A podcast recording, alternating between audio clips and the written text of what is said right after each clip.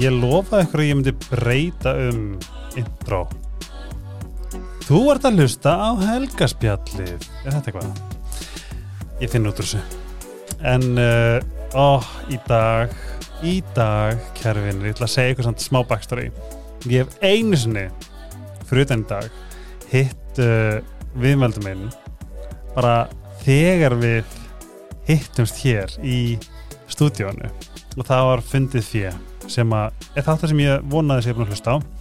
Peningaþáttur, við elskum peninga peningar eru vinnur okkar og peningar flæða til okkur muniði.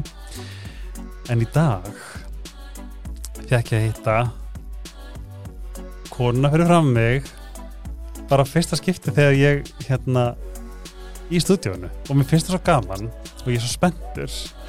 Lilja Sif Þorstinsdóttir verður velkomin. Takk fyrir það. Uh, ég er að pæla að taka það bara svona með mér um, í, uh, því fyrir kannski aðeins nánur út eftir en Sítokær, Ice Herb, Sleepy og Netto er uh, dásemdar vinið mínir sem hjálp mér að halda þessu podcasti gangandi. Þið kunnið uh, afslagkóðan, það er Helga Spjallið með Sítokær Ice Herbs ég, ætla að gíska flesti sem ég byrjar að taka þetta af því að uh, this is the the shiznit og þeir sem eruð búin að vera íhuga um, að kaupa ykkur dínu uh, þá var það eflir slípi eða ekki? Og þeir sem eru komin að slípi snild, netto, netto appið you know the jizz ég fer aðeins hefur þetta eftir líka. En ég er svo spenntur uh, því Lilja, þú ert uh, með hérna ég þekki þig fyrst og fremst frá Instagraminu heilsugar og segð mér frá, þetta er meira en bara Instagram E, já, sorry, afsækið, Nei, guð, það má sko prumpa þetta. Ef- það er gott að vita það má þig. allt Mjög gott að þú vita mátt líka blóta. Já, Ok, það, ég gæti mögulega þurft að nýta mér það. það er bara absolutt velkomið Herri, já, þetta er sem sagt hérna, þetta er fyrirtæki Já. sem heitir heilsögar og, og það, ég svona, ég skilgreina það sem bata miðað rými með skadamengandi áherslum. Og, og hérna, pælingin með þessu svona allavega upphaflega var það að, að þetta er svona rými það sem að fólk geti komið saman og geti byggt upp samfélag. Um, hefur ekki kannski orðið rosalega stórt þannig en, um, en við erum að svona eitt af mjög fáum fyrirtækjum sem að bjóðum upp á uh, í rauninni meðferð fyrir fólk allstæðar á výmæmna ráðunetitumis Mhm. þannig að fólk þarf ekki að vera orðið etru til að koma til okkar í, í meðferð í semst áfalla meðferð Er það ekki líka bara mjög gott? Jú, það er líka bara mjög uh, nöðsynlegt Já, ég er nefnilega að upplifa svolítið mikið að, að sko bæði ekki bara líka eins og bara með fólk sem að fer í burnout það þarf alltaf að vera komið með bara flóaveiki eða vertigo eða bara komin á svo hræðlan stað þegar þau leita sér aðstöða Mhm. en að fólk kannski bara átti sig á því hei það er eitthvað mér langar að skoða, mér langar að fá aðstöða Já, við, Akkurat og þú veist, það er náttúrulega, það, það var alltaf þessi sko, þetta dogma að fólk þurfti, þurfti að vera orðið edru til þess að geta fara að vinna eitthvað í, í hérna, þessum undirleikiti þáttum og það náttúrulega gerir það bara verkum að fólk fellir miklu frekar hana, miklu frekar og, og þetta er það sem rannsóni sína í dag, það er alveg hægt að gera þetta samhliða meðferð eða, eða samhliða notkun efna að, þú veist, upp á vissu marki. hversu mikilvægt er í rauninni eða, hvers, eða sko kannski frekar hversu andlegt er mikið af þessum um, fíknum þú veist rauninni uh, gömul tráma eða deyfingar eða svoleiðis. Já, ok, rosa góð spurning. Um, komin í illa frá mér samt. En það Já, er það. sko, það er þetta, það er þetta orð sko andlegt sem að ég, hérna, já, þú veist, það er, af því ég ger pínum greinum en á milli hvað er andlegt versus Mhm. tilfinningalegt, af því að tilfinningarnar okkar eru bara taugabóðinni góðu punktur. Og hérna, hann að þú veist, alltaf þegar fólk tala um andlegt þá hugsa ég eitthvað svona spiritual. Svona mambo jumbo Nei, alls ekki endilega. Ég, þú veist, ég er alveg mjög meðmælt spirituality, sko. Veist, það er náttúrulega bara rosa stór þáttur í okkur, alveg eins og músík og tekur henni, þú veist, þú, alveg sama hvert þú ferð í heiminn, þá finnur spirituality einhverjum, einhverjum mynd. Það er alveg sama hvernig á, á hérna, í tíma í mannkessun. Þetta er algjörlega svona í okkur innsta eðli. Þannig að að taka það í burtu, svona pínleiti eins og taka tónlist í burtu, þetta, er líka eitthvað svona sem bara einkennur okkur sem tegund, það er spirituality og tónlist og, og menning og listir og, og allt þetta skilur. sem eins og horfa varðeld Já, akkurat, sem við höfum gert bara í kynslu frá maður kynslu frá maður kynslu frá maður kynslu, það er absolutt sko, þannig að, þú veist, ég er ekkit á móti andleg heitum sem slíkum, en, en ég kýs að nota frekar tilfinningalegt þegar, við, þegar ég tala um þessi sko eins og áföll og, og svo leiðis og hversu tilfinningalegt þetta er bara mjög mikið mm -hmm. uh, og þú, þú ert, það þarf verið að gera greina mun á okkur sem heitir annars vegar fíkn og hins vegar ánetjun og, og það sem að þú ert með uh, fíkn þá ertu með þetta líkamlegu uh, þetta líkamlega dependency sem þú sér til dæmis þegar fólk byrjar að ánetjast opjóðum mm -hmm. að þú ferði í frákvörf þá er það sem sagt líkaminn sem að bara vantar efni til þess að einhvern veginn geta haldið sér á núlpundi ah. en svo ertu með ánetjun það sem að það sem að þá er þetta þessi tilfinningulegi komponent inn í þessu í rauninni. Og það er aldrei gott að hugsa þetta eða svona útskýringin sem að mér finnst rosa gott að nota. E, það og af hverju það er í rauninni sem þú getur ánitast hverju sem er sem að breyti tilfinninga ástandiðinu þetta, þú veist, það er ekki bara einhver výmöfni sem ánættjast, þú getur ánættjast spilum, þú getur ánættjast rættin og getur ánættjast hérna þessu. Absolutt sko, mm -hmm. allt sem að, þú veist, þú getur látið líða eins betur með. Og, og og hugsaður þetta út í að svona, já, þetta er svo kenning sem ég í rauninni um, er að vinna eftir. Að þú ert með einhverja ákvæmna tilfinningilega þarfir, við erum öll með einhverja ákvæmna tilfinningilega þarfir og getur mm -hmm. ímyndað þetta bara sem bútateppi mm -hmm. og það vantar einhverja búta í bútateppi hjá okkur öllum mm -hmm. um, eitthvað sem við fengum ekki eða, eða hérna, e, vantar á einhvern annan hátt og síðan kannski kemur eitthvað, þú finnur eitthvað sem að fyllir bara akkurat upp í bútin mm. og hérna eins og þetta með segjum sér svo að segjum sér svo að þú sért með einhverja undirliggjandi svona um, óyrta uh, óyrta hérna, óyrta álita sjálfur er að þú sett lúser. Bara mm. hérna einhvern veginn uh, og síðan ferð þú inn í, í, í spilaviti þú sestur pókaborð þú vinnur stórhendi og það kemur þetta þrill bara, ó, oh, ég vinnar ég er ekki lúser. Ég er ekki lúser, ég vinnar ah. og það er ógeðslega erfitt auðvitað fyrir manneskinn aftur. Auðvitað sækist inn þessu ótrúlega elli mannlega þörf sem er undir niðri þetta er ástæðan fyrir því af hverju það getur verið svo ógeðslega erfitt aðirinni að losa sig við efni, já því eins og til dæmis, já það sættu stundir sagt með reykinga til dæmis að mjög auðvelt að hætta að reykja. Það er mjög erfitt að vera hættur að reykja, skilju að því að þú veist nýgutíni fer úr líkamannum á þremudögum en, en en það getur verið kannski margir áratýr af því að langa í síkarötuna mm -hmm. og þá kemur þetta, hvað ertu búin að í rauninni tengja smókin við einhverja svona tilfinningu? Þú, það er alltaf einhver, einhver, einhver tenging einhver tilfinningileg tenging sem að þú ert að leita í. Við fórum að tala um daginn. Ég, ég sagði þetta að vera, þetta er svo vinur. Já, einmitt vinur eða þetta er frí Já, eða pása. þetta er cool eða samþykki eða, eða hvað sem þetta er skilu, þú veist, að finna það og að vinna það niður það er mm -hmm. það mhm. sem við gerum svolítið Áhugavert mm. og ég held líka að það mætti alveg tala meira um þetta tilfinningalega að því að mér líður smá eins og þetta orð hafi glemst í það er svo mikil umræða núna Já. með alls konar en ég held að fólk sé svolítið rætt við eins og bara strákar eða, eða kallmenn til dæmis. Bara að segja við já, en þetta tilfinningarlega já. eða, þú veist, auðvitað öll kyn ég er ekki að segja það. Nei. ég er að segja, þú veist, að kannski vantar ekki kannski þetta smá inn í þú veist ekki umræðan heldur líka bara í svona kultúrun okkar, bara geta rætt þetta eins og við séum bara tala um viltu fá Nespresso sjöstrand já Æ, skilur þú? Já, ég er alveg samanlegar sko. Að því að þú veist, það, mér, mér líður svo það sem þú ætti að segja mér sé mjög nýjar upplýsingar. Já, já, ég, hérna, ég er alveg samanlegar allavega að, að, að þetta með tilfinningarnar eh, að, að sko, og ef þú pælir samt í því sko, að það er ekkit rosalega langt síðan, kannski ömmur okkar af að svo kynslu, þá er bara það er ekki talað um tilfinningar Þú, þú, þú fær ekki með tilfinningar á torg eins og Absolut ekki, þú veist bara batnið eitthvað dáið og það er bara, Já. þú þarf bara að fara út að heia vinnur og það er ekki rætt meir. Þannig að þú veist, í rauninni hérna, er, við erum komin að rosalega lokuðu fólki en sem betur fyrir þetta nú eitthvað byrjað að, að opnast fyrir þetta Mhm. en ég er alveg samlega það mætti alveg vera mín meira af því. Einmitt, áhugavert, einhvern veginn grunaði mig ekki að, að þetta yrði, að því nú finn ég hausn á mér fara í ringi, Já, ekki grunaði mér að orðið tilfinningalegt væri eitthvað svona, aaa, já. eitthvað svona frekar nýtt á nálinni.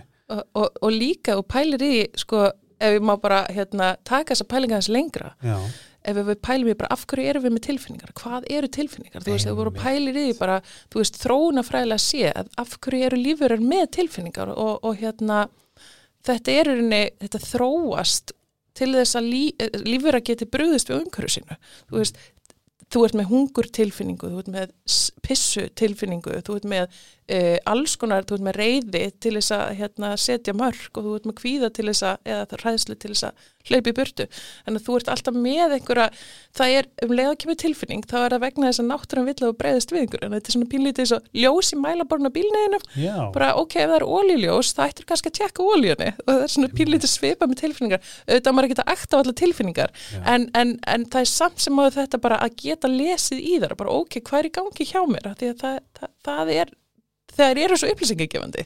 Það er það, ég er að hugsa sko, ég segi alltaf, eða, þegar segjum við vorum hérna vinkonur fyrir 15 árum Mm. og erum í kaffi og varum báðar singul einhverja gælur og bara hvað, hvernig sér þeim hérna makaðin fyrir þér?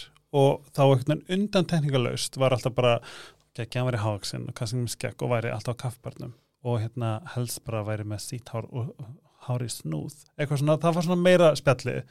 Núna er ég alltaf að hampa á mínum vinkonum og mínum konum og sjálfum mér þetta að tilfinningagrein þarf að vera efst, allt Mm. annað er auka. Já, En nú er ég að hugsa, ok, hvernig er ég búin að vera að, að reyna sko tróði hann í kokjaða fólki? mm, Úf, þetta var svolítið ljótt sagt til mér. Ég er ekki búin að vera þannig, en, en ég reynir bara að fólk sé rosalega meðvita um hvort að manneskjan sem múrt í kringum mm, sé með tilfinningagreind. mm. Og þá er ég bara svona, nú er ég smá svona, og ég veit alltaf hvað það er, jú, ég veit hvað það er, en ég menna nú er þetta svolítið nýtt líka, hvað er tilfinningagreind, þú veist, Já, þetta þyrft að vera svona algjört standard dæmi að geta átt þess að því er ég reyður, er ég bitur er ég, er ég, eins og ég segir árum við byrjum að hittast, ég Mhm. hitti hérna meðfræðilega þar sem ég sagði upp á þetta í fyrsta skipti ég verið bitur og að mér fannst það ógeðslega stórt skref, mér fannst það rosalega svona skömmustulegt en enga síður frelsandi já, að fá að segja þetta. Og mér líður svolítið þess að ég hafi svona með því að segja það.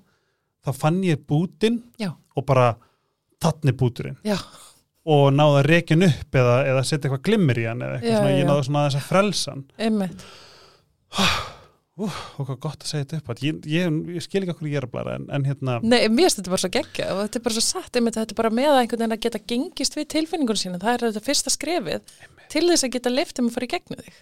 einmitt. Og líka bara að sko er, er, þetta, er þetta ekki svolítið stór pakki að einhvern veginn fara inn á tilfinninguna sinnas Uh, hvað áttu við stórpaki? um, nú er ég að tala um sko við getum og nú veit ég ekki eins og sjálfur ég náttúrulega er rosalega mikið bladrari og nú er hausnum að koma svolítið mikið full Geggja. um, segjum við að við myndum bara setjast niður og, og eða þú myndir segja mig hvað tilfinningar þetta að finna núna? Mm. Veist, það er svolítið erfitt stundum að Mm, ó það, já, er svolítið mikið, já, það er svolítið mikið þoka stundum. Já. um, ég held ég sé bara góðu sko.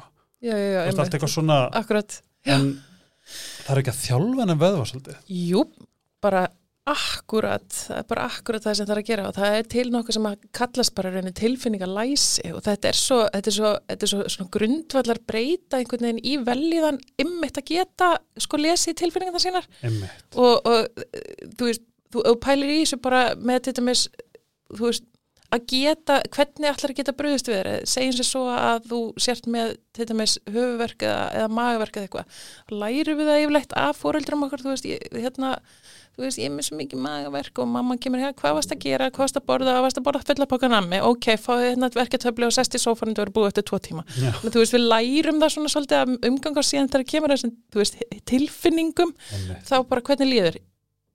Illa, já ok, hvernig illa? Ég veit ekki, mér líður bara illa. Og Já. bara þetta er ekki nægilegur upplýsingar. Þetta er, svo, þetta er samt svo gott að heyra þetta frá þér mm. að því að núna hugsa ég, ok, næstum lír illa var ekki sniðt fyrir mig að setjast niður og kannski bara skrifa niður reyna að finna. Mm -hmm. Veistu, ok, ég held mér líð bara svolítið veist, órólega.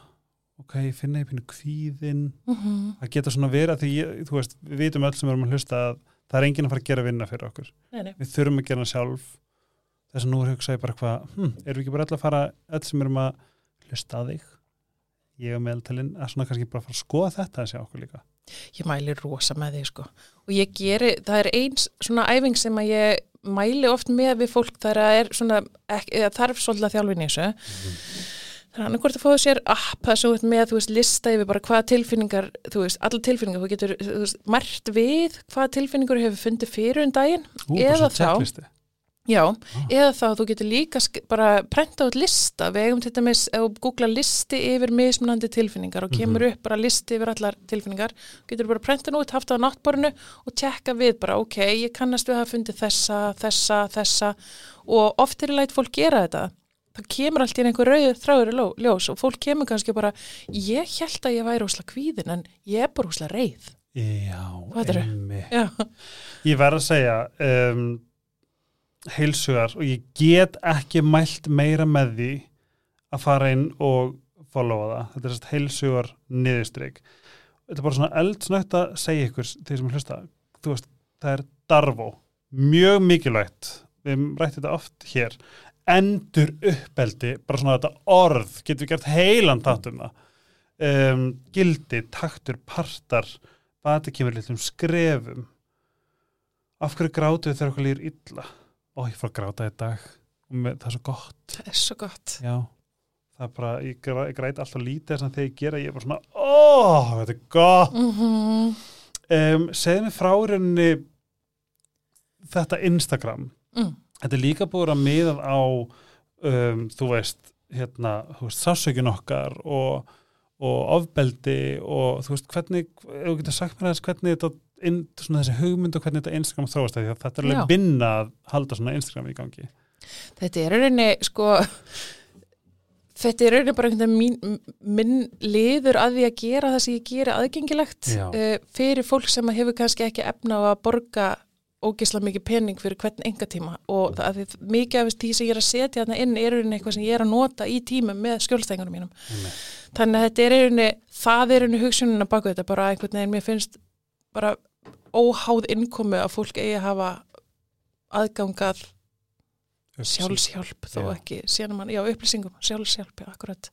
Annað sem ég finnst áhugaverð, sem ég verði gett til að auðvitað meirum, það er rauninni, þú ert með námskeið sem er eitthvað sem ég finnst vera svolítið framtíðin, sérstaklega því eins og segir, það er dýrt að vera í enga tímum og, og í rauninni upplýsingar finnst mér vera svo mikilvægra því að núna einhvern veginn skilji við held í flest að við þurfum svolítið að vinna vinnuna þú veist, við getum Mm. verið með svo ótrúlega góða um, þú veist, meðferðar aðeins sem að hjálpa okkur og stiðu við okkur og hlustar og þú veist, bánsar en, en í rauninni svo förum við heim og við þurfum að vinna vinna uh, þannig að segja mér þess frá og annað líka þú veist að geta bjarg aðstöðað eins og mörgum að hægt er á sama tíma, finnst það koncept eitthvað að vera guðdómlegt mm -hmm. þannig að segja mér þess frá námskjánu sem varst með og, og svona hvernig, hvernig byggjum upp? Já, sko, ég er með uh, sko, látum okkur sjá ég, það eru svona nokkur námski sem að ég hérna er að halda og það, það er kannski helst tvö, þau tvö sem ég er að halda kannski mest núna, það er annars vegar kallið áfallam með nálgun á vinnustaf Ó, gott og mikilvægt. Já, alveg rosalega sko. Og það er bara hérna fi- finnst mér einhvern veginn að allir eitt, finnst það, þetta er bara vitneski sem allir hægt að hafa, finnst mér persónlega Er, uh, það, er, þetta ekki, er ekki algengt? Jú, ég meina það, er, við erum öll með einhver áföll. Uh, það er, og, og þú veist, við, við höfum öll lent í einhverjum erfiðum hlutum og, og við erum öll með einhver opinn sár einhver að það er bara, þetta er svolítið bara um, um í rauninni, já, áföll, tauga lífeyrisfræði áfalla og, og svona hvaða, hvaða hvaða áhrif á önnin áföll hef, hafa og, og hérna og svona, já, bara margt í, í kringum þetta Mm -hmm. um, og já, þannig að ég er með það uh, og svo er ég með uh, svo, ég er, ég verður kannski já uh, mæla, uh, já það, það er sem sagt annað sem að heitir aftur til sjálfura mín sem er svona sjálfstyrkinganámskeið mér finnst það að vera svo fall, ég, hérna, Já. aftur heim bara Já, já, einmitt, en þú veist, ég hef reyndir ekki haldað í svolítið tíma því að ég er alveg hrikalega lélega að marka setja mig, að það, að það, já, ég er alveg ömuleg í því. þetta er góð markasett Þetta er góð markasetning. en ég hérna, minna hérna. Instagram mitt er Já, já, það er svona, þú veist, sko mér finnst það gæðveikt og brókst það mikið já, takk fyrir það, ég, það er svona, það er eiginlega bara hugsanastar, sko. Og, og svo er ég með þetta námski sem að er í rauninni svona undirbúinsnámski sem heitir stuðningsnámski fyrir ferðalanga sem er fyrir fólk sem að vil taka hugvíkandi eða sem að ég kalla hugbyrtandi. hugbyrtandi Já. það meikar alveg sens Já, það er meiran réttnefni, réttnefni uh, af því að sko þessi, ef þú horfir á sko þetta kallast psychedelic á ennsku Mhm. Sem að er í rauninni bara hérna litur að þetta er gríst orð sem að er mind manifesting sem að er í rauninni að byrta hugðin, manifesta hugðin. Uh, og þau, þau geta verið hugvíkandi en þau geta líka verið hugþrengjandi þú getur alveg farið rosa inn í þið sko. Mhm. þannig að hugbyrtandi er miklu meira rétt nefni. Var ekki ég sem að fann þetta orð upp en, en mér finnst það mjög það er flott. mjög fallegt. Já, mér finnst það. Og ég er sérst með þessi undirbúningsnámski fyrir fólk sem að er búið að ákveða að fara þá leiðina og vantar fræðslu og undirbúning og, og, og svo leiðis. ok, það er reyndar ógeðslega mikilvægt Já, mér finnst það. Mér Ég- finnst það. hvað finnst þér um í rauninni um, að því að sko núna hef ég reynsla af þessu og, og þetta er hérna þetta er líka eins og ég sagði við hérna árinu byrjuðum bara þú veist þetta fer alltaf við að sama þú getur fengið upplýsingar Mm eins og, eins og ég upplifi hugvingandi vera -hmm. en þú þarf alltaf að vinna Mm. vinnuna Jep. hvað myndur þú mæla, með að fara í hugvíkandi eða hvernig svona, hver, hvar stendur í rauninni út frá námskjónum og bara af eigin reynslu eða starfi eða hvar, hvar, svona, hvar stendur uh, þarna? Já, sko, ég myndi aldrei mæla með þessu við neina mannesku, Mm -hmm. persónlega. Ekki sem sálfræðingur heldur ekki sem manneska. Mm uh, vegna þess að þetta er eitthvað sem að fólk verður að vera kallað til einhvern veginn á, á ein spýtur eða Mhm. þannig um, ég hef séð þetta gera rosa flotta hluti. Ég hef líka séð þetta valda rosa skada -hmm. uh, og þannig að þetta er rauninni mér finnst rosa gott að tala um þetta koma með þessa líkingu, þetta er rauninni bara þetta er verkfæri og þetta er nákvæmlega eins og hnífur. Uh, og þú getur nota hníf til þess að skera upp mannesku og bjarga lífinar, þú getur nota hníf til þess að drepa mannesku og þú getur líka nota hníf bara til þess að skera brauð. Þannig að er, þú hefur alltaf þessa vitt í því hvað þú getur gert með þessum efnum. Mhm. og persónlega finnst mér að, að hérna það, já, það, það, það, eru, eru margar er, mar, það er hægt að nota þið á rosa margan hátt. Ég er ekkit vissum til að það búið að vera rosalega mikið þessi, þessi fjölmjöla umfjöllunum að þetta sé algjörlega allra meina bót og, og þetta einhvern veginn breyti öllu fyrir fólk. Um, það gerir það í fæstum tilvökum. Ég hef séð vissulega þegar fólk setur, eh, setur í samband og færið eitthvað rosa stórt púsl inn í þína sögu eða einhvern veginn þinn skilning eh, sem að, sem að geti hjálpa fólki síðan að fara út og vinna vinnuna sem Einmitt. það þarf að gera eh, en en já, það það er bara hægt að nota þetta marganhátt. Ég er ekki, ég er ekki viss um það að, að þetta verði ég, ég er ekki viss um að þetta verði jafn sko stórt. Ég, ég er, já, ok ég, mér er að vefjast tungu tönn ég bara er að sjá það svolítið núna einhvern veginn hvernig ég var, ég var rosa spennt fyrir þessu fyrir nokkur árum og ég held að ég sé ekkit einum það bara allir heilbriðstarfsmenn um, held ég hafi verið það. Um, það sem ég er að sjá svolítið núna er einhvern veginn hvernig þessi kapitaliska arðransmenning er að taka þetta og það er einhvern veginn að, að sjúa sálinn úr þessu og einhvern veginn reyna að pakka þessi inn í einhverja, einhverja pillur og, og hérna, taka þetta úr einhvern veginn í því menningalega samhengi sem þetta er búið að vera í í þúsundur ára, Já. að búið að nota þetta í ákveðinu samhengi um, og það er, það, það er ákveð struktúr kringum þetta og, og síðan er þetta einhvern veginn tekið úr því og einhvern veginn hingað inn á Vesturlöndin og hér höfum við engar hefðir og hér erum við ekki með fólk sem að í rauninni þarf, er með þjálfun í þessu. Um, og það getur alveg verið skadalegt ég hef líka séð þetta gert vel. Ég skal alveg taka það fram líka. Já. en það er, eh, ég held að kannski, veist, þessi, þessi sakramentis nálgun á þetta sé kannski mögulega, þetta eigi kannski meira heima þar heldur en í, í Hvað er það? Sakrament.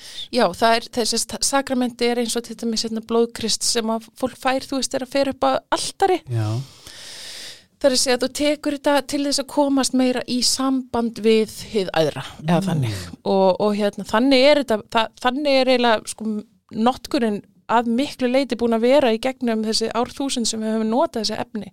Þá hefur þetta verið eh, til þess að komast í samband við sjálf og sig, við, við náttúruna, við, við aðri kringu sig og hið aðra. Þannig að þetta eru svona þessi eh, sacramental rituals í rauninni sem að hérna já, hjálpa fólki alveg gífulega mikið sko það sem mér finnst um, það sem ég set alltaf spurninmerki er af hverju aftur og aftur mm -hmm. Þú veist, Já. það er eiginlega ég get, ég, að því þú veist, þess að ég er, var og er mjög leitandi og er rosalega svona hef lengi verið mjög desperate í bata Mhm. og ég held ég tók því bara mjög persónulega þegar ég tók oft þú veist, tvö skraf áfram svo leið mér þess að ég tók þrjú skraf aftur Mhm. það gæti bara einhvern veginn algjörlega gengið frá mér og núna eftir að hafa hérna, upplifað þetta þú veist, það, það er ótrúlega áhugavert að um, að, að rótin er alltaf en ég þarf bara að vinna vinnuna já, skilur við akkurat. Og það kemur með þessu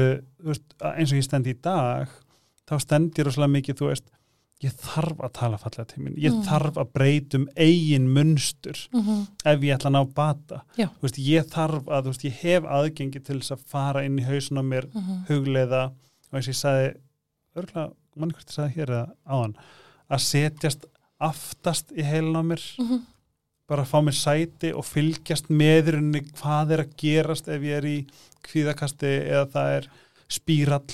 Einmitt, fara í áhorfandan já, Einmitt, veist það vera mjög upplugt og svona Mhm. einhvern veginn fatta, þú veist, ég þarf ekki að vera inn, þetta er svo verið vera 17 ára aftur Já. og það er drama í partíinu og það, þó þessi ógsta mikið kikk að vera bara eitthvað, en þú sagðir að hún væri begla og þú sagðir að þú veist, og taka þátt og bara vera í geðugu hérna, Mm. bara dramakasti, mm þá get ég líka bara fyllt með. og veistu þetta geggjur líking hjá þér. Mér finnst hún ógeðslega góð. Það þarf að vera mjög myndrænt til þess að ég skilji hlut. Heyri, þá, þá, þá ætla ég að taka þín líkingu og, og ég ætla, ég ætla hérna, að spinna við hana. Því að ég nota, nota einmitt svona partilíkingu þegar ég er að tala um þessi hugbyrtund þú veist, ef, þú pælir í heilanum á þér að hann er, þú veist, mjög kaplaskiptur það, veist, það, það er bara, þú veit með heilasvæði sem að sjá um eitthvað ákveð, skilur uh, og þú getur ímyndað þetta bara svona eins og risastórt fyrirtæki, svona risastóran skíakljúf og með, þú veist, millistjórnundir millistjórnundir síðan ertu með veist markasfólki eða eitthvað svona, þú veist, það, það gengur allt og það er alveg, þú veist.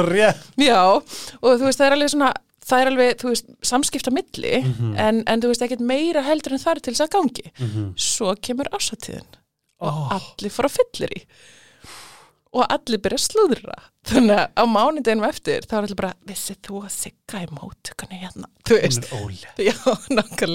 Og þetta er það sem gerist við það að taka þessi efni, allt í hennu byrja heilin að tala meira saman, þannig að þú veit allt í hennu komið með meira upplýsingar, en svo er það einmitt bara, ok, og hvað ætlar að gera með þessu upplýsingar? Á mándaginn. Já, á mánudaginn, skilur við, það er nefnilega málið. Það er svona mándagur að koma út úr svona Mm, og ég veginn sko já, það er er rétt þér, það, það sem þetta og það sem ég íti mér lengur og lengri það er reynulega bara eitthvað já, herðu, ég þarf að fara að vinna ég get ekki, Mm. það er engin það er engin svona, þú veist, mann langar bara svo ógislega mikið að þetta bara taki allt í burtu Já, ríksi alla druttuna já. út einmitt.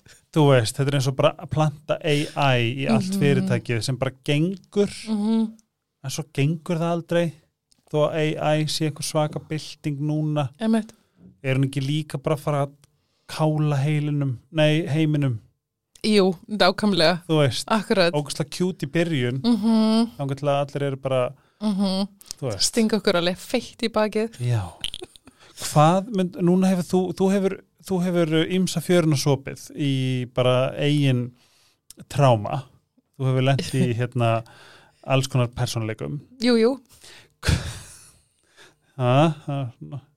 frábært eins og svo margir já, já, ég hef líka alveg verið alls konar persónuleiki sjálf þannig að þú veist, ég er alveg hægt að benda á annað fólk. Já, en segðu mér hvað hefur verið svona þínar helstu um, hvað hefur hjálpað þér svona hvað mest í bara þínum bara, þínu þróun, þínum bata bara Já. í lífinu sko, það er í rauninni uh, það er tvent það, það annars vegar bara einhvern veginn þegar maður fyrir allt hérna átta sig á því hver minnstrin manns eru.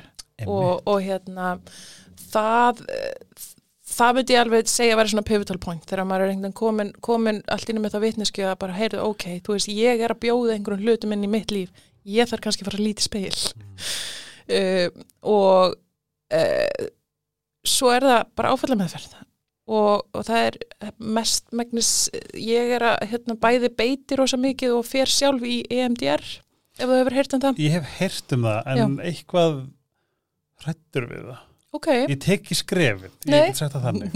Nei, skilu ég er nefnilega sko, þetta er alveg sko besta verkfæri sem ég er með í minni verkfæri tösku, það er bara það, þetta er rosa öflugt sko. Og hvað er þetta? Ef þú þyrftir að Já. lýsa þessu? Sko EMDR, það stendur fyrir Eye Movement Desensitization and Reprocessing sem er ógeðslega langt í jargonafn á því sem að, þú veist, um að ræða. Revson, Trevson, Revson Trevsons, Yes. nákvæmlega. En þú veist, í, í sko mjög stuttumáli og þetta er náttúrulega miklu kom, meira komprehensiv meðfyrir það sem þú þarft í rauninni að, að þú þarft að undirbúa fólk og, og stabilisera og gefa fólki verkfæri til þess að þóla við í vanlegan áður um að fer í rauninni og í úrvinnsluna sjálfa. En Oh my god, nú er ég svo forðin Getur gert það með núna? ok, mm, en svo er það í rauninni þessi, þessi áfalla úrvinnsla veist, og þá í rauninni sko, mér langar að veist, þetta, þetta á ekki bara við um EMDR, veist, heilin á okkur er í rauninni bara eins og, meldingafærin, þú þarf bara að melta það sem að kemur í rauninni um, inn í heilinaður og heilinaður er ókslega góður í því á, á dalum basis, þú veist, við veitum bæði að það er alltaf öðru sem vera hér og nú, í núinu versus bara, þú veist, í morgun þegar við erum að borða morgun, það er alltaf er alltaf annað fíl á reynslu og minningu. Mm svo kemur eitthvað e, risastórt, eitthvað sem að yfir þér með kerfið þitt og það er þetta sem sagt áfall í rauninni. Og mér finnst það óslega gott að hugsa um þetta eins og sko, eins og e, eins og taugakerfi á okkur sé gatnakerfi og, og taugabóðinu eru litli bílar sem keirum allt og, og þú veist áfall eru bílslis á ringtorgunum okkar. Og, og þegar það gerist þá, þá ertu þá með þess að líka með tvo möguleika annars er verið að reynsa upp bílslýsið og það er það sem hann alltaf vill gera eh, þess að gróa sárin okkur svona. En ef hann hefur ekki verkfærin eðastæðnir í það þá er það eina sem líka mann getur gert er að setja svona appi svona ykkur teip í kringum Já. bílslýsið og það liggur það bara í kerfinuðinu og Já. þú veist, er að valda óþægindum að því að bílarnir komast ekki þau þarf að fara einhverja aðra leið. Mhm. þannig að EMDR í rauninni er ein af þeim leiði til að bara taka þetta appisunningulega teip og leifa líka mannum að, að vinna þá vinnu sem maður þarf að gera til að græða sig. Og EMDR í rauninni þá spyrðu já, ákveðna spurninga á ákveðin hátt til þess að ná ákveðnum upplýsingum að virkja það taugunet sem við verðum að fara að vinna með. Og svo byrjar að örfa yfir miðlínu sem mið, miðlínu líka maður sérna yfir hérna, nefið sem sagt bara beint, beint, beint Mm skiptir líka með tvennt. gegn. Já, og þú ert með tvö heilakvæl sem sagt, þú ert með hérna hægra og vinstra heilakvæl og, og þegar minninga full unnin þá getur þú náð í upplýsingur og báðum heilakvælum á sama tíma. Ó, úr sem sagt því vinstra þá færðu staðrendir ef ég spyrir hvað gerur ammalinu, ég fór að pizza hött, það kemur á vinstra, pizzan var vond, það kemur á hægra. Þannig að Ah. basically, þannig að þetta verður svona, já, consolidation basically og hérna, og við, við svona aðeins pótum í það og til þess að hérna, og það, geta allir náði í þessar upplýsingar hvað mennur að náði í en þessu? sko nú er ég að hugsa út frá sjálfur mér Já. um, ég er með rosalega mikið þókuheila og Ok. ég er með sérstaklega mikið þókuheila núna Mm. veist bara þú veist að ég hef reyndað sérstaklega líka bara síðustu svona tíu ár tíu, tólvar mér finnst ekki muna neitt og þú veist ef ég svona set mér núna í, í, í svona þær stellingar að ég sæti núna með þér og væri að fara að hefja þessa meðferð Mm. það væri ég með rosalega mikla sannfyringum að ég mun ekkert. Mm, ok, þú veist, ég er meira svona spá bara að að því það sem þú ert að segja líður mér eins og allir þetta að gera mm, en, en hvort að marg þú veist er, er, er, er einhver tækni eða leið til þess að ná að fara ofan í eða hvernig svona Já, sko, sko, í fyrsta lagi þá er þetta mjög eðlilegt að þú ert búin að vera undir mikli streitu eða eitthvað svo leiðist, þá er aðtikli og einbytting það fyrsta sem fyrir gluggan og það er meðal minnið. Ú, Þannig að hérna, ég man til dæmis þegar ég var að vinna á Reykjalendi og fólki náttúrulega að koma þar inn eftir erfi líkamli veikindi og það var alltaf sama spurningi bara, uh, Lilja, ég hérna setti bíliklana í ískapinu, ég glemdi krökkurum í leikskólinum, er ég að vera geðveik, er ég að missa vitið? Bara, nei, þú varst bara lent í erfimflut. Þannig að Ah. þess vegna er minna á þér svona. Þannig að því meiri streyta sem er, því meira er minnis hérna erfileikar. Hinn, en sko, svo er það líka með minna á okkur, að þú ert í rauninni með tvennskona minniskerfi og þetta annars vegar með atbyrjuminni sem er einmitt þetta, ég get spurt þig hvað gerur ammælinu og þú getur sagt mér allt frá því uh, síðan ertu með líkamsminni og líkamsminni það er basically um, segjum sem svo þú farið í lautaferð út í skóg og það kviknar í skóginum. Og þú Mm. kemst út við illan leik úr þessum skógareldi. Síðan ert þú bara fimm ára setna að labba niður laugavinn, bara allt í gutti og það kemur allir reykjarlegt og hefur ekki hugmynd um hvað hann kemur. Hvað gerist í líkamannum, skilur já, fyrir alltaf stað, líkaminn mann og þetta er, þú veist, þótt að, að atbyrðaminnið, það getur klikkað og það gerir þú oft sérstaklega ef það eru rosa, ef við verum með mjög yfirþyrmandi aðstæðum þá klikkar atbyrðaminnið mjög oft þess vegna eru svona verða minningarnir rosa brotakenda sko, en líkamsminnið, það heldur áfram að tikka og það byrjar að tikka sko þrejum mánuðum fyrir fæðingu og það tikkar þangað til að þú deyrið. nei, Þannig að líkamannaði lígur ekki í rauninni. hvernig er þetta setningin? Lík, uh, hugurinn gleymur en líka með geymir. Ég hef ekki hert hana, en hún er mjög góð. Thank you. Já, mjög gott. Já, ég ætla að sko, en þetta er eitthvað sem ég hef alveg brjálan á. Já. Sem þú kannski sást, ég er bara með pínu svona, segð mér meira, bara talk dirty to me. Já, ég sé við með, fullt af þessu. Það sem ég fór að hugsa þegar þú sagðir að þegar þú ert undir streitu, þá er það Mhm. minnið uh, og eitthvað annað sem fyrir glöggan. Aðtikli og einbytting, já, Já. og einbinding. Já. Þá verð ég að spyrja, að því að ég hef oft spáðið því með ADHD Mm og er, er streita og ADHD því að sko, þú veist, ég, ég horfi á fólk Mhm. sem ég finnst vera bara rock solid, mm. bara og, og það er sagt sko en svo er viðkomandi með ADHD og þú veist ADHD er bara rosalega algeng Mm en, en gæti þetta verið Streitar? streita Í, sko, já, ég meina, þú veist, ADHD er náttúrulega, þú veist, tauga þroska röskun svo kallar, sem þýðir það að, hérna, þetta er eitthvað sem að í manifesta sig eh, eftir því sem að heilin þroskast. ah. Og, og við vitum það að hvernig heilum þroskast, það hefur, sko, umhverfið hefur alveg rosalega mikið að segja. Þannig að ef að börn eru alin upp til dæmis í mjög streytufullum aðstæðum, þá geta þau í rauninni, eh, þú veist, þú hefur nokkra svona varnarhætti eða þannig. Eh, Þú getur til dæmis flúið, þú getur barist og þú getur sóna út uh, og ef þú er pínu pínu lítill, sérstaklega bara pínu lítið unga barn, þá þú hleypur ekki til burt eða mikið streyta í kringu þig, þá hefur rauninni bara það að sóna út og hérna ef að það gerist of mikið þá getur það orðið ákveðin svona bara, er, sá varnarhátti getur innbyggst inn í kerfi. En það er ein í rauninni svona kenning um það hvernig ADHD uh, þróast wow.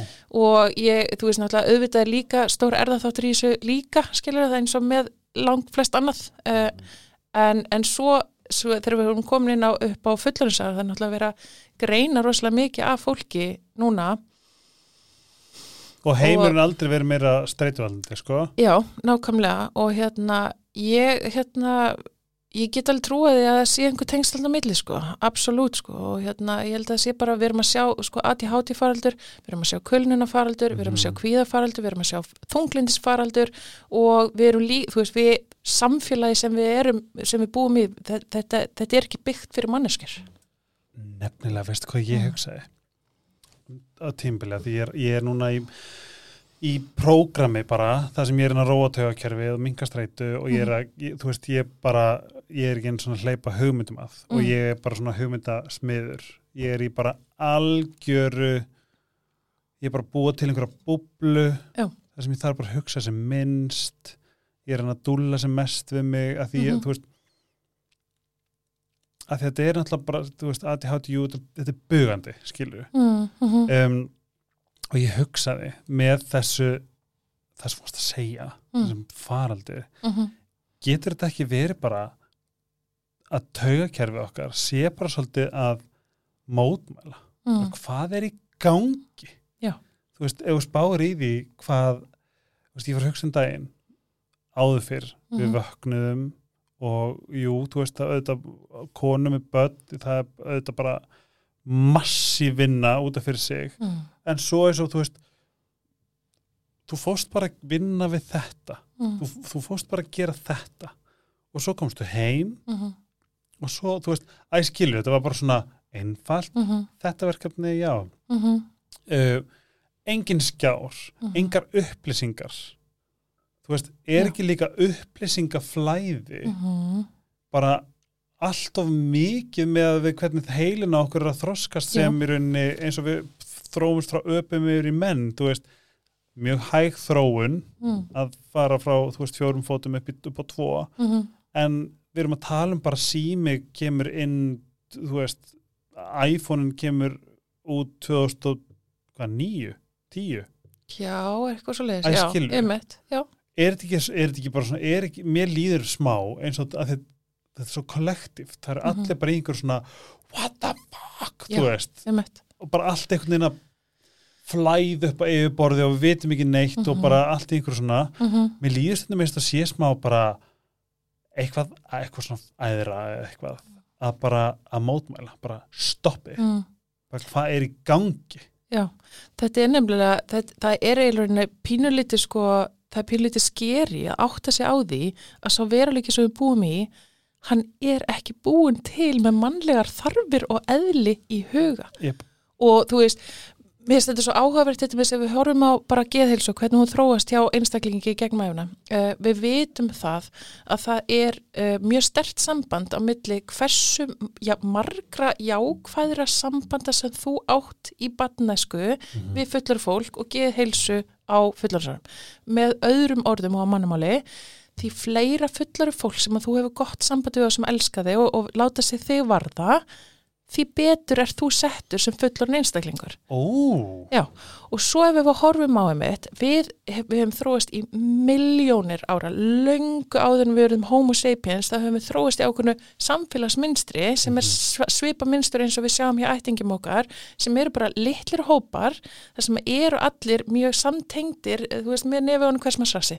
Það sem þetta þýðir er að, að sko, það er alltaf einhver sem að, til dæmis með foreldra, uh, þú, þú ert með sko, þú ert, þú ert með í hyrðingja og samnáða samfélagum dagsins í dag, þá ert með meðaldali sjö fullotna einstaklinga á hvert eitt bann. ah, Og, og þú veist, þannig við erum í rauninni alin upp eða við þróumst sem tegund í því að við, við, þetta er kollektíft.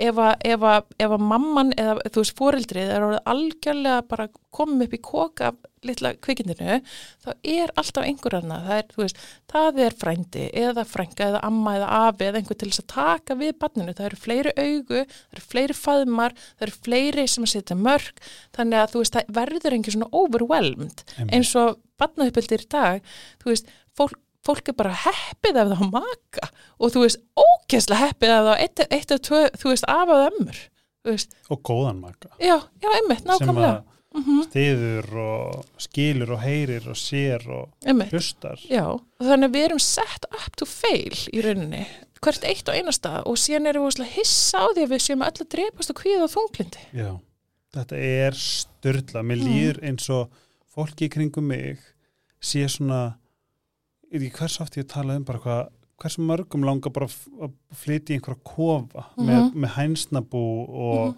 og þú veist. Geta verið með Arneld og Jókastúdjó í garðinum eða eitthvað svona dulleri. Bara Mhm. að því það var líka setningin um, áður fyrr settumst við niður við sjónvarpið til að fá smá uh, pásu frá rennurleikanum Mm, en núna förum við út í hlaup eða jókatíma eða barri fitt eða eitthvað svona mm, til þess að fá frí frá skjánum. Mm, vá, já, ég var ekki búin að tökum svona, vá, já, tökum svona nokkra pásu bara hvað, þú veist, Einmitt. ef ég pissa án símans þá er ég bara svona am I better than everyone? Þú veist, Einmitt, nei, alveg, þetta er alveg það hver hefur kúkað án síma? Einmitt, akkurat. Myndir ekki bara halda á þetta eitthvað vannviti What is wrong with já, you? bara hvað, hvaða ein, tegunda einhverju þessi með Þú veist, einmitt innan áður fyrir, þú veist, fólk var með myndi ykkur svona tímaritu eitthvað en að bara þetta er algjörlega farið. Já, eða sjampúflösku Já, bara eitthvað, mm, af hverju- já, bara ákveð þetta er sótíum að vera í hérna ma, ákveð er matasóti í sjampú Mm. áhugavert. Og svo labbaru hérna út bara eitthvað mm. Og googlaðir ekki að því að Google var ekki til. Nei, það er bara sótíum í sjampú það er geðvegt Kekjað ég er pínu þarna og mér finnst veist, mér, ég, mér er svolítið gott að fara í gegnum staðrindir Já, eins og með alkohól, eins og við tölum um hvað er um alkohól búið að eigðalega mikið af fjölskyldum, mm. þú veist skapa mikið tráma í bönnum bla bla bla bla bla bla og þá get ég svona, ég held ég þurfa það ekki mm. þú veist, að geta farið í svona staðrinnar, hvað get ég gert Já, til þess að bara líða betur? Hvað, hvað staðrindi get ég farið yfir til þess að líða betur. sko, en ég verð að segja djöfull ertu klár, mér líður svo sko, mér ég geti verið í allan dag bara segðu mér meir um þetta. En getur þú sagt mér smá um endur uppeldi Já, uh, sem sagt endur uppbyldi, það er bara basically, þetta, kat- þetta er í, í snara þessu bara, uh, reparenting heitir þetta á ennsku. Já. Þannig að basically bara, þess, við, við, þur, við þurfum ákveðið þegar við erum að alast upp, við þurfum, þú veist, þessa co-regulation við hérna fórildri og við þurfum ást og við þurfum hlýju og við þurfum eh, svona, bara, já, það eru bara, við þurfum miklu meira heldur en bara mat og húsaskjól, við, við þurfum og ástina. er það ekki bara fægt Jú, jú, jú, absolutt. Og fólk, það er actual, það er actual hérna, bara læknisfræðilegt ástand sem heitir failure to thrive sem að fólk, börn, börn get, ekki bara geta heldur þau, þau, það gerist alveg regla að fólk bara deyr úr skort af ást. Ó, já, ég la, ó, hérna með hérna Orphans í Rúmeníu Já, einmitt. Eitt af fáu skipti sem ég lesi eitthvað bara grátið. Mm, Ræðilegt sko það var sérst bara, þau bara, það var bara að tekka á þeim hvort þau væri bara andandi, Mhm. en svo dóu þau. Já. ég bara, hefur heyrt eitthvað ræðilega Þetta er alveg up there sko. Já, það Absa fokkin rulli sko. Það er hríkalegt sko. Já, og, en þetta er bara nákvæmlega nákvæmlega það sem gerist þetta er líka hérna, sem við fáum já, bara sem við vitum að er að gerast Já. út í heimi, Já. núna.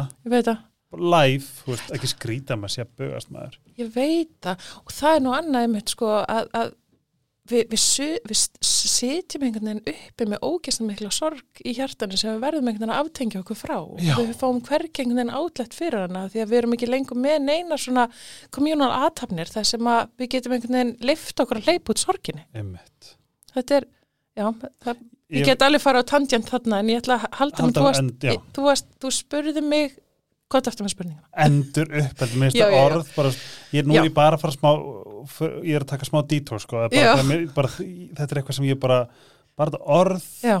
mér langar svo að vita Já, já, sérstætt basically, það, það, þetta snýst svolítið um það einmitt, að, að sko finna út bara hvar er það sem að, hvar, hvað vandaði þig upp á rauninni í uppeldi og reyna að gefa þér það. Ó, Og við erum, það er rosa, sko, það er rosa gaman að pæla í þessu útfræsur partapælingu, ég er svolítið hrifna þessar partapælingu sem er, semst að þú ert í rauninni með alls konar, ok, ég ætla bara að útskýra það mjög snögglega, þannig að fólk Mhm. actually fylgir með. mhm, Þannig að basically heilin á þér samastendur á 100 til 150 biljörðum, eða miljörðum tögaframa sem er sko meira heldur en að stjórnum í allir í veturbreytinni. hættu þessu Það? ég fekk bara smá stingi til hann sko. Þetta er svo geggjað sko. Og hver tögaframa getur gert tenginga við hundar með tíust Ó, frumur. God, sorry, mér finnst að vera eitthvað svo pótist Ó, Já. þú ert að tala um bara We are the universe Ég veit það, Ó. þetta er svo geggjað sko. Þú Holy þessu, ég fíla það. Nei, bara, ég bara, ég geti gráti sko. geggjað. Dásamlegt, halda áfram bara, þú ert This is the real Talk dirty to me. Já, þetta er the dirty talk I want sko. Ok, sérst basically, það, þú ert með þetta, sérst 100 til 150 miljórar tögaframa, mm. hver fruma getur, getur gert tengingu við tíust frumur þannig að þú getur ímyndað þetta sem bara svona risa stórt, þú veist saman vöðlað fiskinett, þú veist, það, þú veist, það er ekki allar frumur tengda við allar frumur, þú veist, mm -hmm. þetta verða svona að tauga netum eða þannig og þú getur ímyndar þetta svolítið bara eins og þetta með skatnakerfiðna á, á stóruhauðborgarsæðinu, mm -hmm. ef við höldum áfram að tala um taugakerfi sem gatnakerfi og taugabóðin sem bílana, þá, þá erum við til dæmis með, þú veist, hér á hauðborgarsæðinu, við erum með fínasta gatnakerfi innan Reykjavíkur sem er vel samtengt sínumilli, mm -hmm. svo erum við með annað gatnakerfi í Kópavegi sem er líka vel samtengt sínumilli en ekki nema nokkrar brautir á milli. Svo ertum við, þú veist, Mósisbæ og fína samtenginga þar en ekki nema einn braut sem tengir þetta við Reykjavík og það er bara nákvæmlega þannig upp í hausnum á þér, basically. Þannig að þú ert með tauganett sem að getur, þú veist, geymir í sér eitthvað ákveð eitthvað annað við hliðin á sem geymir í sér eitthvað ákveð. Þannig að þú getur með tauganett sem geymir einhverjum minningar, viðhórskoðanir, færni og annað við hliðin á sem að geymur ykkur allt aðra menningar, allt aðra skoðanir, allt aðra færni. Og þessan er það sem þú verður, þú ferði þess að tókstreitu við sjálfa stundur langar manni bæði að sitja sófanum og fara í ræktina eða mm -hmm. þú veist, mhm.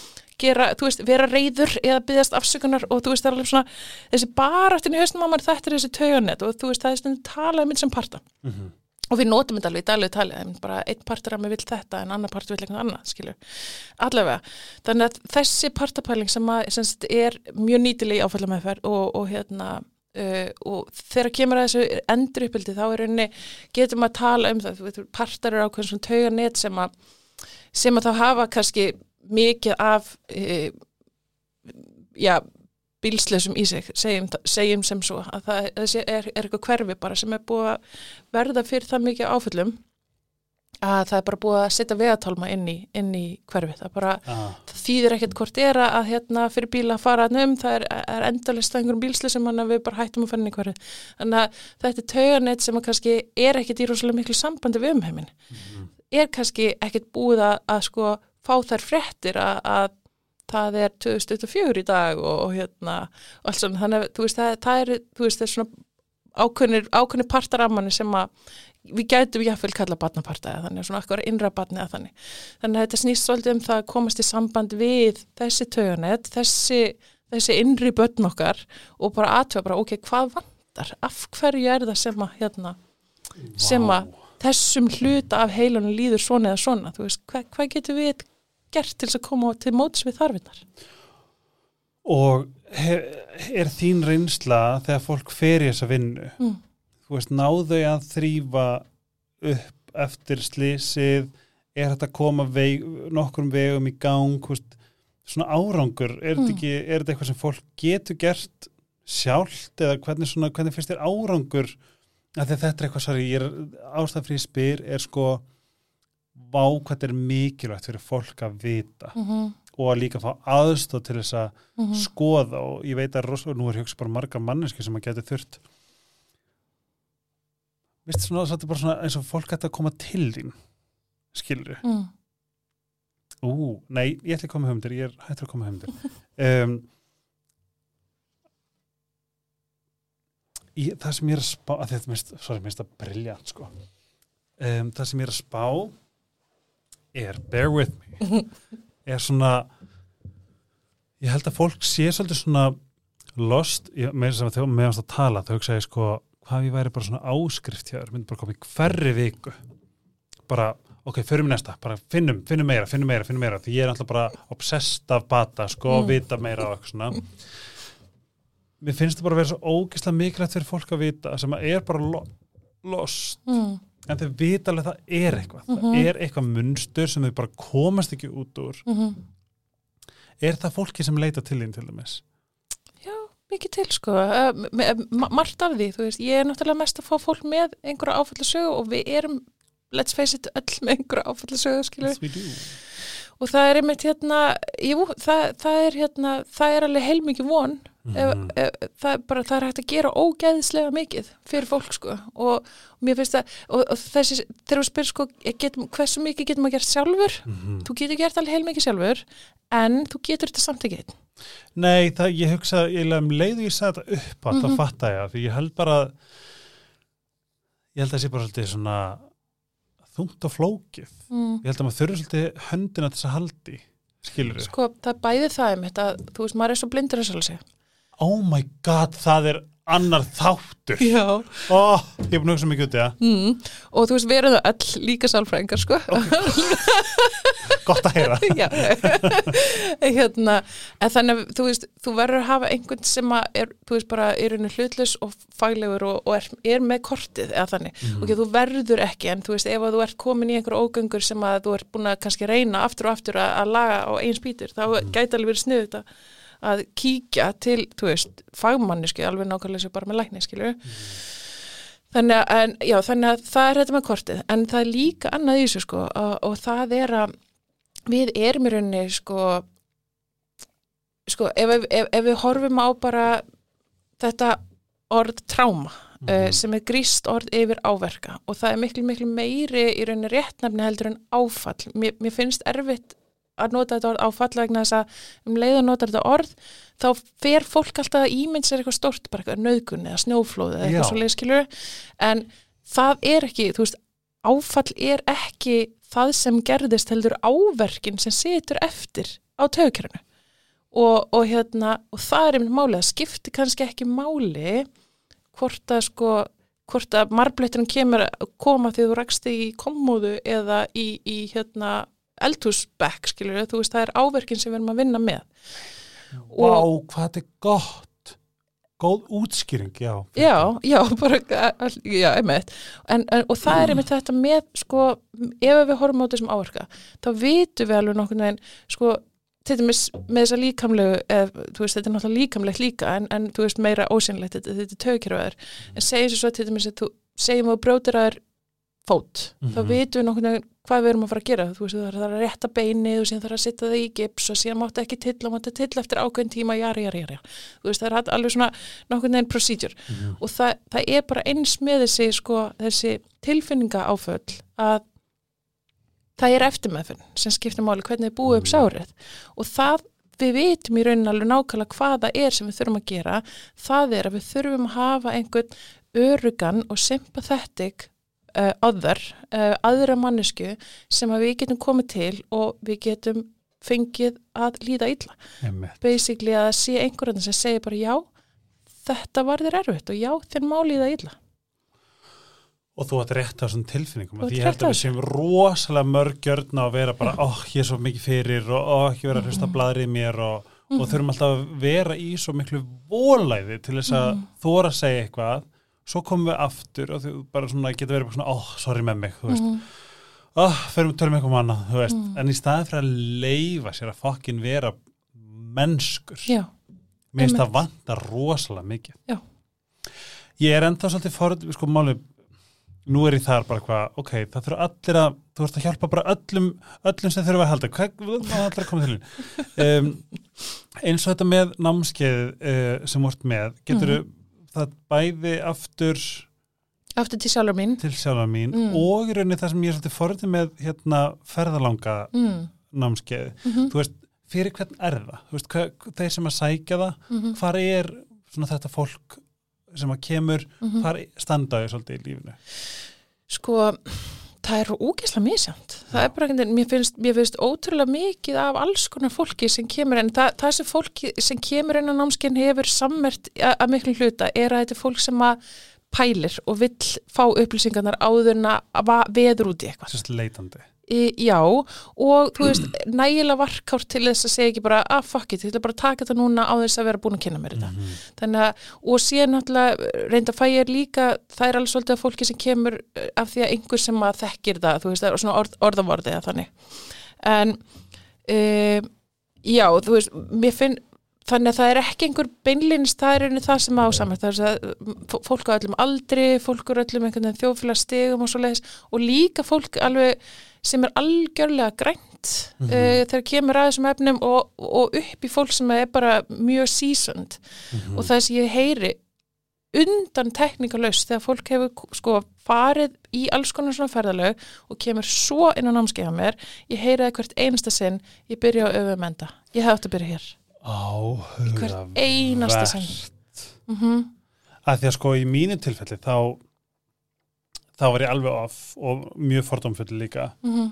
og fann sko líka um, að ég treysti ég hugsa, hvernig get ég trist einhverjum fyrir þessu? mm, Hvað veit ég? mhm, Þú veist, vissi ekki neitt. mm, Eina sem ég vissi er að minn meðferðaðali er einhver sem ég þekki mhm, og ég vissi ekki að þessi tildinni meðferðaðali væri svona þerapisti. mm, Það, það og, og þú veist, ég vil meina ég hafi verið ógæðslega heppin mm, að vera með sko tengingu fram í æsku Mhm. við þennan einstakling. mhm, Bara, hún elska mig mm, eða hann mhm, og ég elska hann og hana. mhm. Skilur einmitt. það, það, þess vegna, þú veist, að því að öll þau skipti sem ég íhuga þetta, Mhm, þá hugsa ég þarna bara, það er ekki bara að segja fuck it mm, og bara dempa mér í þetta, ég þarf bara að láta laga mig, ég get ekki lengur, bla bla bla bla. Það sem ég veist ég alveg vera bara án gríns, bara, ég get ekki sagt eitthvað mér fannst ég vera heppin, bara, þú veist, bara ljós, bara, bara fuck, bara oh my god, ég vissi þetta ekki, bla bla bla bla bla bla, skilur Já, það er svona, en það er ekkit sjálfsagt að, að nei bara alls ekki þú, og þú ert rosa heppin sko. Já, eh, af því að þú veist þetta er, þetta er, svo, þetta er svo rosalega stór hluti að bara hafa tröst til þess sem að mun fara með í gegnum þetta. Mhm. og það er ekkit, þú veist, hlaupið í það endilega um, og sko innan námskeiðinu mínu þá ég, þú veist, það er engar upplýsingar ég gef fólki ekki einhverju upplýsingar um hvert það getur leitað. Þú veist, það, það er alveg eitthvað sem fólk verður algjörlega að sjá um sjálft. En það sem ég ger er einmitt að ég ég fer í gegnum, þú veist rauðflögg, hvað þarftu að leita að af því að einmitt, það skiptir svo miklu máli að hafa þetta tröst til manneskinu sem, sem að leiða því í gegnum þetta að því að sko ég held að ég hef aldrei orðið eins og Já. og þegar ég fór í þetta Já, það væri bara eins og unga barn gjörsamlega Já. þetta er ótrúlega áhugavert mm -hmm. ég gleymd að spyrja þig, Já. mikilvæg spurningum Mm. hvað stjórnum mig kertu? Meja. ég hefði ekki skáða Í alvegni?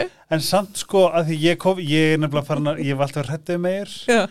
en nú er ég farin að finna eitthvað svona mjög áhugaverða ást á meiju og við erum og við finnst sko meijur þurfa ógstlega mikið knús. Ok, já. af því að það eru svo miklar uh, mér finnst það vera svo pottitar Já, en svo er ekki pottitur af því við erum bara menns. Já, og þessi pressa sem maður finnst að hafa um að vera pottitar já. að svona halda utan og segja bara æsleftu bara hans tökunum Slaka bara að sjá sko. já bara smá og svona láta klappinni og hún bara svona oh. Það er enda svolítið fyndið með mig sko, mitt stjörnukort er uppfyllt, ég er með, þú veist, sóli megi, tungli megi, rísindi megi, ég er bara eitthvað endels megi og ég er svo ekki típisk það Ég er bara alls ekki. ertu tungl og rísandi meja Já, ég held, ef, ég, sko, ég, það er reyndar alveg örgulega meira en 20 ár síðan ég let þetta gera þetta stjörnukort, sko. En, en já, ég, minni það að það hafi verið, ég, ég var allavega mjög mikil meja og ég var bara eitthvað, what the fuck, ég, en en svo ég aðra vinkuna sem er vóg og hún er alveg sem meja já. hún er alveg tvöfalt vóg eða eitthvað. En svo út af möndulhalla jarðarinnar, þá erum við rauninni, þú veist, öll í einhverju tveimur stjörnumerkjum frá, það er ekki búið að uppregna fyrir möndulhallanum. Já, ég spurði stjörnusbyggi minn um það hún Já. kom með mjög solid svona Ok. útskýringu sko af því að þú veist, ég er svo mjög tvíbur að ég geti bara tvíbura yfir mig sko já, það er eiginlega bara, þú veist, þér myndi finnast ég raunverulega rosalega pyrrandi já, ok. ef við verum nánar en þú myndi örgulega samt líka að þykja rosa væntum að því ég er svo Ég, ég, ég fíla fólk sem er svolítið spantant. Ég er það nefnilega miklu meira heldur en meir eiga að vera, sko. Já. ég sko, ég er tvíburi vasperi og búamæður ég er bara svona fred svona Mm. wú, út um allt það er er- geggjað. það er gaman, það ekki. en vá, bara því líkar upplýsingar sko, það sem mér finnst nefnilega að vera það sem hún sagði mér, hérna endur uppeldi Mm þetta, að því ég er búin að vera rosalega mikið að leita af þessu inner child healing Mm. dæmi, sem Mhm. að hefur ekkert gengið eitthvað ofvel mm. og mér finnst þú svolítið að hafa svarað mér svolítið Já, þarna geggjað. það sem ég veit, sem ég lærði í, í, í svona hugveikandi vinslu Mm. það var að, að því er hommi Mm. og ég held að margir sem eru samkynniðir koma inn í heiminn um, með einhvers konar tilfinningar og svona regulasjón sem að er býtu, ég held ég með ekki vera hérna Mm. ég held ég með ekki vera ég Mhm, mhm. þessi skilabóð Já. og ég held að þetta sé rosalega algengt hjá samkynniðu fólki Mm. sem að kemur inn í heiminn og veit einhvern veginn já, og svo er alltaf einhver skilabóð ég, mm Mhm. ég mátti ekki segja hvað Backstreet Boys mjög var sætastur nei, en stelpuna mátti segja að Mel B væri sætust Mhm. eða Geri væri sætust svona um, fyrir svona batslegan heila Mhm. sé rosalega skrítið og Mhm. ég held að sé rosalega þess að finnst mér svo mikilvægt að ég vildi óskast að ég hefði vita þetta fyrr Mm. þess vegna finnst mér líka og ég vona kannski við getum bara hvart ykkur sem er að hlusta bara til að skoða mm Mhm. hvað getur að hafa verið hvað getur að verið í þínu systemi Mhm. og ég held að raunverulega og ég veit ekki hvort það ég sé að kannski að stikka stóru að það er rosalega margt í til dæmis uppeldi. Þú, og ég er ekki að segja að ég er slæma fóreldra þau eru bara ótrúlega menn sko er að gera þetta í fyrst skipti líka. En ég held að þessi rosalega oft sem að það er, er hlutir sem að bara þeim vantaði. Mhm. eða og þetta er, eh, þú ert að koma þarna tvo í rauninu rosalega mikilvæga punkta. Annars var þetta með að einhvern veginn alast upp í þú veist, heteronormatífu samfélagi. Uh, jafnvel þótt að, að því það er náttúrulega svo misjand með krakka hvort það er finnið, þú veist, eða hafa einhver orði yfir samkynnið, skilur en bara, ég held að hvort sem samkynnið eða eitthvað annað sem að jaðarsetið, þú ert ekki þú passar ekki inn í, skilur þetta, þennan kassa sem að allir eiga að passa inn í þá, og það þarf svo ógisla lítið til þegar við erum svona lítil. Já, það er sem fólk átta sig ekki á að þú veist því minna sem barnið er því auðveldara er að veita því áverka þú veist, þú sért þetta með bara illjarnar á þessum litlu kvikindum. Það eru svo ógeðslega silki mjúkar og það er svo þunn húðin og það er líka þunn húðin á hjartana þeim og þú veist, síðan eftir því sem við fáum meiri högg á hjartað, því meiri sigg kemur á hjartað, þannig að fyrstu árin við erum svo viðkvæm fyrir öllu og við erum líka svo ógeðslega sjálfhverf að, að sko, það er ekki fyrir í kringum, þú veist, 5-6 ára aldur sem við erum komið með heila þroskan, þetta er bara eins og með, þú veist, tennunar okkur, við erum með 6 ára eksla og 12 ára eksla, það er bara svipa með he heilan okkur, það er bara ákveðin líffæri sem er að, þú veist, koma online á ákveðin tímbili já, og það er ekki fyrir í kringu 56 ára aldur sem getur graspað almennilega svo kallast theory of mind sem að þýðir að þú áttaði á að annað fólk hefur hugsunar og tilfinningar út fyrir þig. Þannig að fram að þessum aldri þá er það bara þannig að ef að seriós er upp á smaturinn þinn þá er seriós upp á smatur allra í heiminum og það þarf ekki að diskutera það skilju. einmitt. Þannig að allt sem gerist fram að þessum aldri og í rauninni langt líka áfram er sérstaklega ábrendi á þessum fyrsta árum allt sem gerist í kringu það þér að kenna. Það þér að kenna. wow, Já. Þannig að bara það, mamma og pappi hafi verið pínleiti pyrru yfir uppvaskinu það er eh, þér að kenna og þú feilaðir að gera foreldreina hamingisama. er það svo Já. Og þau eru svo maður. ógeðslega svartkvita sem aldrei líka, þannig að Já. það er bara við erum annað góðið að vandfatru og þetta er á sama tíma, við erum að kynnast sjálfum okkur, hver við erum, hvað við getum búist við okkur og við tökum þessu sem gjörsanlega sannleik að því að við höfum ekki neinar fórsundu til að gera annað. Þannig að þú veist, það sem við erum að, að, upplega þessum fyrstu árum það getur, það getur farið algjörlega inn í innsta kjarna. Og þetta þurfa einmitt eins og sé þetta er svo lítil aðri og það er svo mikið, það kemur að þessum setnapunkti með fóreldrana og þetta er, þetta er, að þetta er svo satt, þú veist við erum öll bara einhvern veginn að gera okkur besta og allir er að gera sitt besta og fóreldrar, allir fóreldrar er að gera sitt besta. En það getur verið svo mikil munur á ástinni sem fóreldri hefur í bar, gar, hefur til bassin síns og ástinni sem að batnið upplifir frá veist Þannig að þú getur verið á heimili sem er kannski bara frábært heimili og bara æðislega fóreldrar og allir, er, það er allt í gutti, en það er samt einhvern veginn bara, þið náðu ekki almennilega takti eða, man, eða þú veist, og pappi skilja þig ekki almennilega eða, eða eitthvað svolítið, svo það getur bara farið inn Einmitt. líka, því, því yngri sem ert í rauninni. Ég segi alltaf alla bara aldrei tala niður til þín fyrir frambarnið þitt. Mm. Þegar þó, þú veist, bara unga barn, bara sem veit ekki neitt og talar ekki og er ekki komið tennur Mm -hmm. og aldrei rífast fyrir frambarnið. Aha, absolutt sko. Og ástæðan fyrir, og það er bara því að, hérna, ég finna bara svo stert, bara svampaheilin, kallar þetta alltaf. Þau eru algjörði svampar. Já, mér finnst bara einhvern veginn og þess vegna líka er alltaf samarótin í helgarspjallinu bara þessi sjálfsábyrð Mm. að vera góðu við okkur og, Mhm. og þú veist, skilja okkur og sína okkur mildi og tala fallega við okkur þú veist, þetta, þetta þetta helst í hendi við allt umhverfið mm -hmm. og bönnin þín og hérna Mhm. mér finnst bara, mér finnst meg að vera miklu meiri upplýsingar fyrir foreldra að þeim minnst oft bara margir vera stökkur í djúbulögina Mhm.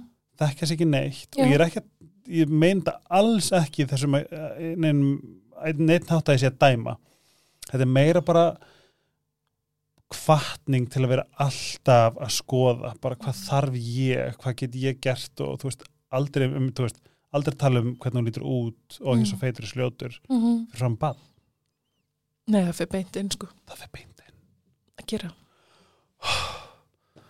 Vá, hvað þetta búin gaman, oh my god þetta er svona my new að djamma ég er bara að fara að koma heim og ég er bara eitthvað oh, þú er satisfied bara, veistu hvað ég lærði í alverðinni ég vildi, ég sverða, ef ég hefði ef ég væri akademiskur, mm.